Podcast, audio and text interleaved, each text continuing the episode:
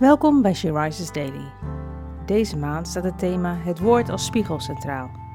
En deze overdenking is geschreven door Anouk Doornbos. We lezen uit de Bijbel, Job 6, vers 14. Wie geen medelijden heeft met een vriend die lijdt, toont geen ontzag voor de Almachtige.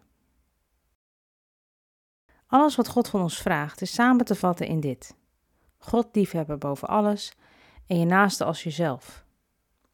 De liefde van God is onze basis. We hebben de liefde van God nodig om onszelf en elkaar lief te hebben. We worden opgeroepen om Jezus' liefde uit te dragen aan de mensen om ons heen. We mogen zijn handen en voeten zijn.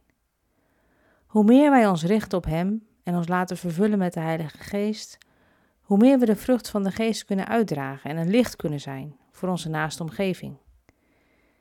Denk bijvoorbeeld eens aan de buurt waarin je woont.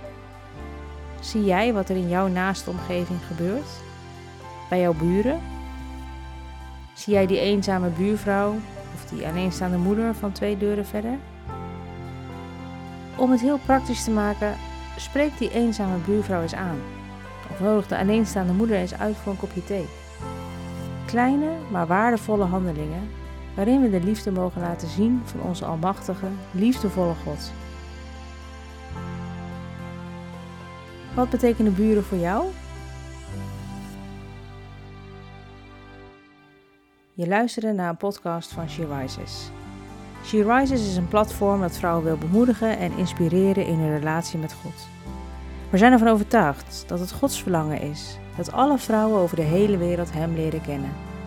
Kijk op www.she-rises.nl voor meer informatie.